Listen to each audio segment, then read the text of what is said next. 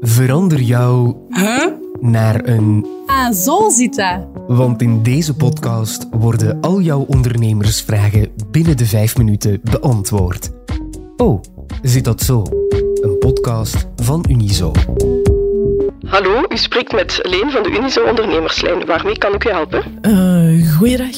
Ik ben alles aan het voorbereiden om mijn producten naar het buitenland te exporteren. Nu zag ik voor het eerst de term goederencode. Wat is dat net? Oké, ik verbind je even door met onze adviseur internationaal ondernemerschap, Emiel Nijrink.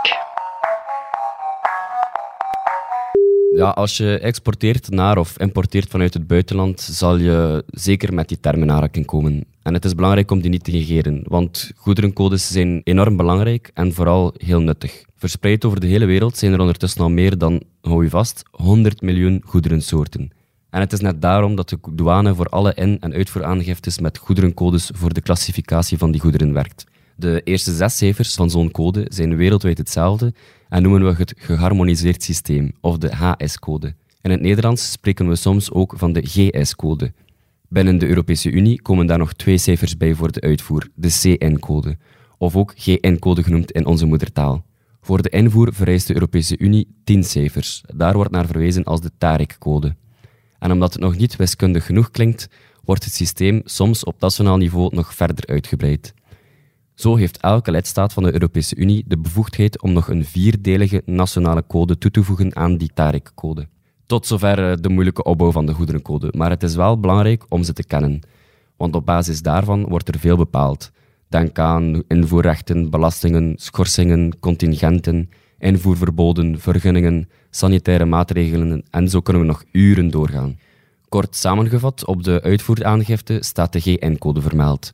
Op de invoeraangifte de TARIC-code. Die moeten trouwens steeds worden ingevuld in vakje 33 van de douaneaangifte. Om dat visueel kracht bij te zetten, kan je een voorbeeld terugvinden in de show notes. Oké, en wat als ik de verkeerde goederencode invul? Wat zijn dan de gevolgen? Ja, dat is een heel interessante vraag, want uiteraard voel je mij jou komen. Dat kan leiden tot boetes of sancties, maar daar blijft het natuurlijk niet bij. Het kan er ook gewoon voor zorgen dat jij of, of je klanten te veel of te weinig invoerrechten betalen voor je goederen. Kerstin Celis en Josse Verbeken hebben ooit een boek geschreven, Douane en Accijnzen, waarin ze dit onderdeeltje fijn uitleggen. En zij hebben een prachtig voorbeeld klaar.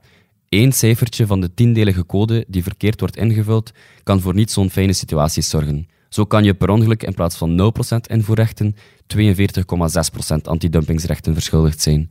Je ziet het, er licht overgaan kan grote gevolgen hebben. Dat wist ik niet. Daar wil ik natuurlijk op letten. Maar dan vraag ik me vooral af, waar vind ik de juiste goederencode? Wel, er zijn eigenlijk twee manieren. Ten eerste kan je zelf achterhalen wat de juiste goederencode is voor je product door ze op te zoeken in Tarbel. Dat is de webapplicatie van de Belgische administratie der douane en accijnzen voor het consulteren van het Belgisch douanegebruikstarief. Door te klikken op tariefconsultatie kan je bladeren door de nomenclatuur en per afdeling en hoofdstuk op zoek gaan naar de juiste goederencode. Dat klinkt wat beangstigend, zo'n applicatie met een grote lijst aan mogelijkheden, maar dat is niet nodig. Je moet nog niet panikeren, want je kan er gewoon ook op tekst op zoeken. Natuurlijk hoor je wel meteen dat deze methode tijdrovend is en nog geen uitsluitsel geeft dat je de juiste goederencode hebt gevonden. Daarom kan je jouw goederencode ook bepalen aan de hand van een bindende tariefinlichting, een BTI. Dat is eigenlijk een afspraak dat je als bedrijf aangaat met de douane, waarbij de juiste goederencode voor jouw product wordt vastgelegd. De goederencode ligt dan vast voor drie jaar en is bindend voor zowel de houder als de douane. Bovendien is de aanvraag voor een BTI volledig gratis en meer informatie daarover kan je vinden op de website van FOD Financiën. We raden je vooral aan om de goederencode niet zelf te bepalen, maar maak zeker gebruik van die gratis bindende tariefinlichting. Mocht je product onder verschillende hoofdstukken vallen, bij een drone bijvoorbeeld is dat het geval, dan vermijd je het risico op sancties en fouten. En je bespaart veel tijd en moeite die je in iets anders had kunnen investeren. Natuurlijk is zoiets uitleggen via de telefoon niet optimaal. Het klinkt ingewikkeld en toegegeven op het eerste zicht soms saai.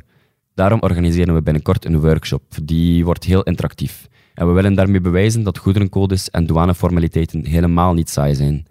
Schrijf je dus zeker snel in, want het is een heel populaire workshop, net omdat het een belangrijk thema is. Maar ook omdat je het boek Douane en Accijnzen dat ik daar straks vermeld heb gratis mee naar huis krijgt. Ik hoop je in ieder geval dan te kunnen ontmoeten. Oh zit dat zo is een podcast van Unizo met expertise van onze interne diensten en partners. In deze aflevering gingen we over de grenzen heen met onze producten. Wil je hier nog meer informatie over? Surf dan naar de kanalen van Unizo Internationaal of klik op de link in de show notes. Daar kan je ook alle informatie vinden over de workshop rond goederencodes. De productie gebeurde door Laurens Bervoets en Babette Plessers. Eindredactie was in handen van Philip Horemans, Jurgen Muis en Jasmina Plas. Ben je lid van Unizo, dan kan je net zoals de ondernemers in deze podcast contact opnemen met de ondernemerslijn voor gratis advies. Dat kan gemakkelijk op het nummer 02 21 22 678. Wil je beroep kunnen doen op onze in-house expertise, maar ben je nog geen lid van Unizo? Ga dan voor samen ondernemen en surf als de bliksem naar www.unizo.be.